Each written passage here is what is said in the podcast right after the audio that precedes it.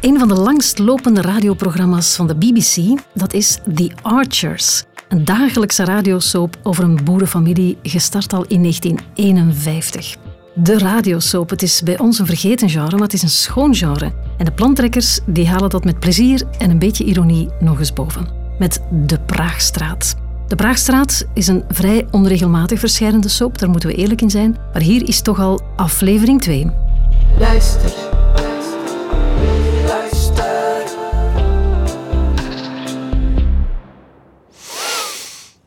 Je ruikt het in de lucht. Het is lente in coronaland. De dagen lengen. Het wordt warmer en warmer.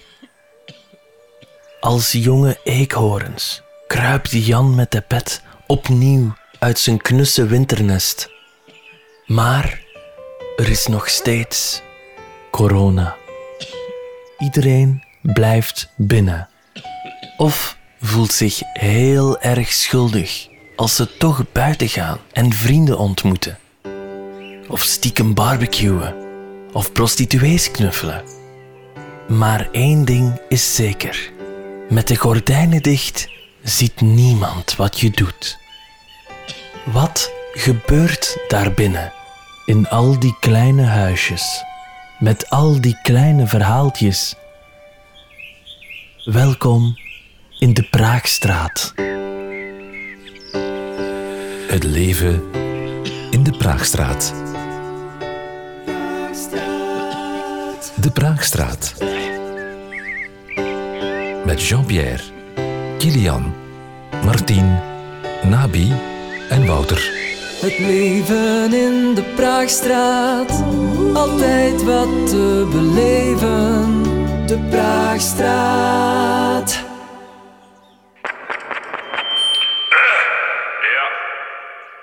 Oké, eh, ik stel voor dat we eraan beginnen. Je kon het op zijn minst een eenzaam afscheid noemen. Kilian zat helemaal alleen in de polyvalente zaal van het uitvaartcentrum. We zijn hier samen voor het afscheid van Maria. eh, Maria de. de. Bleker, inderdaad. Maria de Bleker.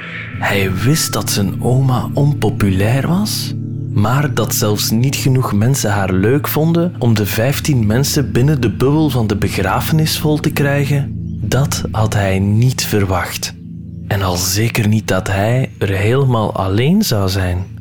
En dan nu tijd voor een PowerPoint met eh, foto's uit het leven van.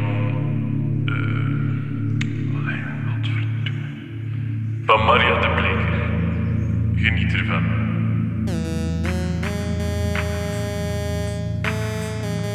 Kilian staarde naar de PowerPoint met foto's van een oude, verschrompelde vrouw.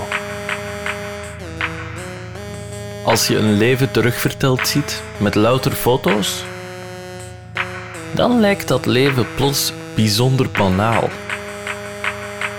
Eén vakantie naar Playa del Mar, een foto met de kleinkinderen, een foto van toen ze al half dood in een zetel zat in het rusthuis. Er werd langzaam ingezoomd op het gezicht van zijn oma. Pijnlijk, want haar snor kwam steeds beter in beeld. Stop, dacht Kilian, stop. Maar de zoom bleef onnatuurlijk lang doorgaan, tot er enkel nog pixels van lippen overbleven. Iedereen had afgebeld.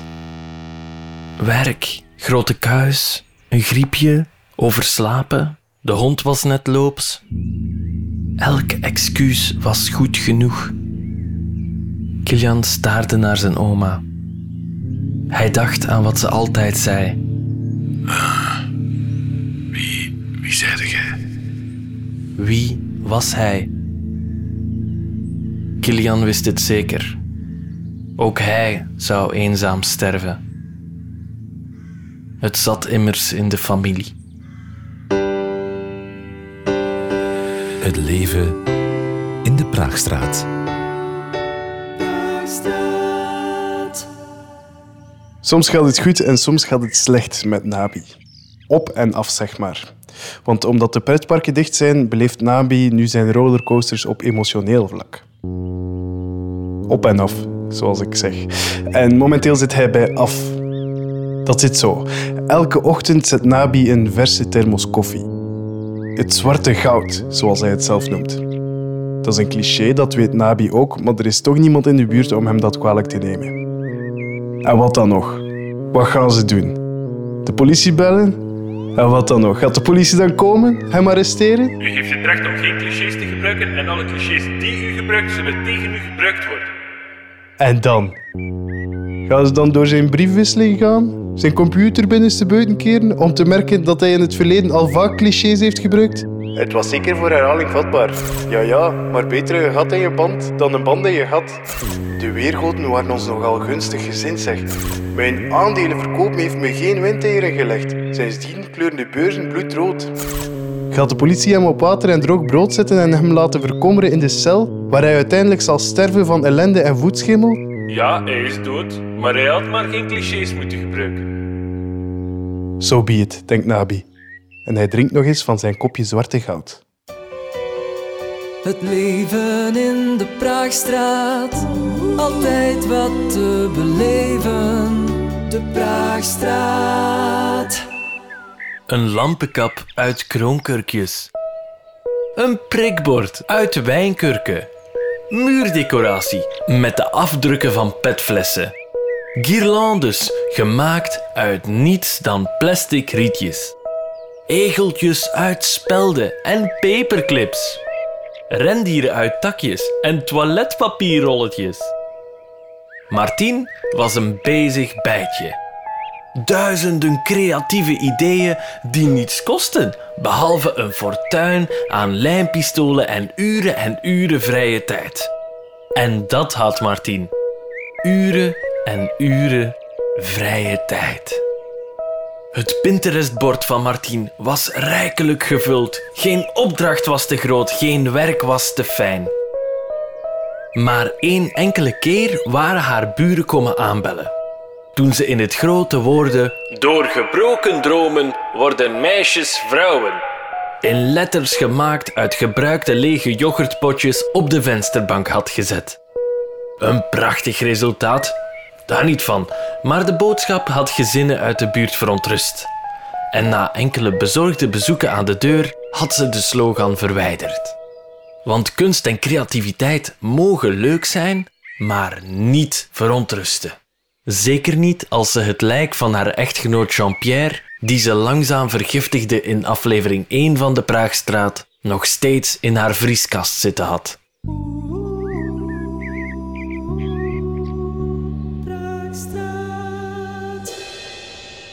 Elke ochtend zet Nabi een verse thermos koffie.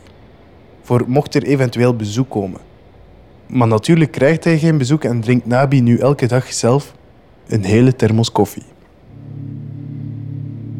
Dat zorgt voor rusteloosheid, angstgevoelens, prikkelbaarheid, hoofdpijn, beven, duizeligheid, suizende oren en hartkloppingen. Aanvankelijk dacht hij dat die stoornissen aan het feit lagen dat hij niet meer mag gaan waar hij wil, wanneer hij wil, of zelfs met wie hij wil. Dat een ander lichaam een wapen is geworden in plaats van een instrument voor geborgenheid. Maar gelukkig, volgens de dokter, ligt het gewoon aan het teveel aan koffie. En dat teveel aan koffie zorgt er bovendien nog eens voor dat Nabi s'nachts niet meer slaapt. Laatst nog lag hij te woelen en te denken aan wat kon zijn geweest. Hij dacht aan zijn vriendin, waar hij intussen een jaar mee uiteen was. De officiële reden voor de breuk? Nabi had zijn vrijheid nodig. Sorry, ik heb echt mijn vrijheid nodig. Officieus was het zo dat Nabi ooit eenmaal ze thuis waren gekomen van op restaurant na zijn vriendin de wc had bezocht. Op dat moment besefte hij dat hij zijn leven niet wilde delen met iemand die, en ik citeer, zo kon ruften. Nochtans had hij de gezamenlijke toekomst van hem en zijn vriendin al vastgelegd. Ze zouden één dochter krijgen, Garcinia. Die naam had hij ooit in een spammail over dieetpillen gezien. De claim dat een reporter er 16,3 kilogram mee afgevallen was binnen de vier weken was waarschijnlijk vals, maar Garcinia was wel een mooie naam. Garcinia zou conscientieus opgevoed worden. Ze zou zelfs op haar zevende al weten hoe je conscientieus schrijft. Later zou hij Garcinia ook het genie van Stanley Kubrick leren kennen. En haar vriendinnen zouden haar uitlachen omdat ze net als haar vader Stanley Kubrick zei. Een kind van haar vader, zouden de mensen zeggen. En ze zouden lachen, want lachen is gezond en mensen zijn graag gezond en lachen daarom ook graag. Naast Garcinia zouden Nabi en zijn ruftende vriendin ook nog een zoon krijgen, Robbie. Nabi zou zijn zoon stevast kampioen noemen. Daardoor zou Robbie een te positief zelfbeeld krijgen en uiteindelijk wedstrijdjournalist worden. Nabi en zijn zoon zouden vervreemden en hoewel vaders dat eigenlijk niet zouden mogen zeggen, zou Nabi zijn zoon een lul vinden. Maar Nabi heeft geen vriendin, geen schattige dochter en geen pedante zoon. Hij heeft enkel rusteloosheid, angstgevoelens, prikkelbaarheid, hoofdpijn, beven, duizeligheid, suizende oren en hartkloppingen. Kortom, de ingrediënten voor een gezinsdrama. Maar gelukkig is Nabi helemaal alleen. De Praagstraat. Het waren zware tijden voor Kilian. Zijn grootmoeder afgeven had meer effect op hem dan hij verwacht had. Hij stond voorovergebogen aan het kookeiland. Hij was het zeker. Corona zou de mens verslaan. Heeft het allemaal nog wel zin? Moeten we niet gewoon allemaal collectief zelfmoord plegen? Euthanasie? Helpt het de wereld niet meer vooruit als wij er niet meer zijn? Mijn huis zal vervallen. De ramen zullen langzaamaan groen worden. De straten zijn verlaten. Dieren zullen hun intrek nemen. Herten zullen door de straten lopen van dit verlaten voorstadsdeel. Kleine bambies zullen voorzichtig met de neus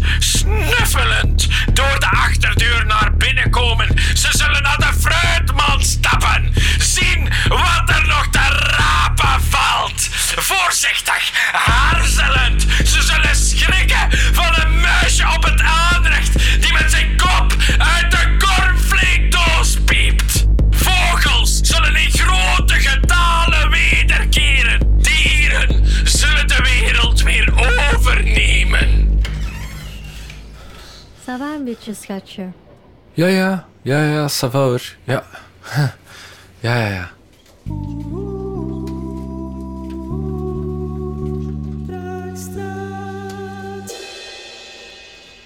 De eenzaamheid doet Wouter geen deugd. Niet dat hij anders niet eenzaam is, maar dit is toch een beetje anders. Want Wouter is eenzaamheid gewoon, alleen niet tijdens de kantooruren.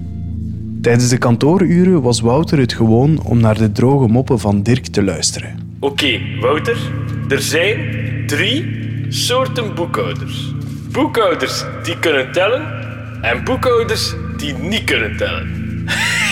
Snap je? Ik zei drie soorten, want dat blijkt dat ik bij de soort hoor die niet kan tellen. Snap? Jean-Pierre, Jean-Pierre, er zijn drie soorten boekhouders. Dirk is zijn vriend niet, maar ook geen vijand. Dirk is een werkkennis. Zo iemand die je op straat tegenkomt en tegen wie je uiteindelijk zegt... Allee, ik ben dan een keer gaan zien, hè. Naast Dirk is er ook Ria. Ze noemen haar soms wel eens Mama Ria. Dat werkt op meerdere niveaus en wel de volgende. 1. 1. Mama Ria verwijst naar de moederfiguur die Ria is. Dat is het meest duidelijke niveau. 2. 2. Soms spreekt Frankie van de bureau Mama Ria vrij flamboyant uit. Ma Maria. Dat doet Frankie omdat Ria voor 1 zestiende Italiaans is. Haar bedovergrootvader komt uit Puglia, in de hak van de laars. Dat is een agrarische regio vooral bekend door de teelt van tomaten en olijven. Maar de familie van Ria moest hals over kop de regio ontvluchten toen haar bedovergrootvader tijdens het jaarlijkse spaghettifestijn te diep in een glaasje grappa had gekeken en in een vat vol tapenade was gevallen. En ook omdat hij een beetje te veel hield van Chianti en Amaretto, de twee kinderen van de burgemeester. Maar dat hoefde niemand op de bureau te weten. Ria's Italiaanse roots werden duidelijk toen ze op onafvolgbare wijze een renditie van La Solitudine bracht op een karaokeavond met de mannen van de bureau. Valeria, ik wist ik niet dat hij uh, Italiano spreekt. Dat is precies eh, Luciano Pavarotti. Maar met een grotere snor. Weet je trouwens hoeveel soorten boekhouders dat er zijn? Je kan Mama Ria ook uitspreken als Ma Maria, om erop te wijzen dat Ria een heilige is. Maar met haar verleden van zware drugs en lichte zeden is Ria allesbehalve heilig. Al zal dat wellicht nog een karaoke of twee haar kleine geheimpje blijven. Ria woont niet in de Praagstraat, dus we gaan terug naar Wouter. De eenzaamheid van Wouter zorgt ervoor dat hij zijn leven in vraag begint te stellen. Hij mist het bureau wel, maar het werk begint hij te haten. Is Wouter wel nog tevreden als boekhouder? Toen hij klein was, droomde hij van een leven vol cijfers en farde vol voordelen alle aard. Maar nu haalt hij nog geen vreugd uit volledige aftrekbaarheid. Terwijl dat als tiener het enige was waar hij aan dacht. Ach, de eenzaamheid. Misschien moest hij maar eens een hond nemen. Een mooie border collie, die hij dan een jolige naam zou geven. Zoals Chianti of Amaretto. Of Blafkoppes. Of Bobbiaan Schoepen. Of Kwispel Peters. Of Waf Walschaarts. Of Jank Elen. Of Jank Vertongen. Of Jank de Cler. Of Auw Zwartenbroeks. Of Showbiz Chihuahuart. Het leven in de Praagstraat. De Praagstraat. Met Jean-Pierre, Kilian, Nabi, Martien en Wouter. Het leven in de Praagstraat, altijd wat te beleven. De Praagstraat. Je luisterde naar aflevering 2 van De Praagstraat. Een radiosoap gemaakt door Wederik de Bakker, Thomas Morlion en Frederik de Klerk. Je vindt dit en ander werk van hen op plantrekkers.be. En meer Nederlandstalige podcasts helemaal gratis op luister.be. Luister.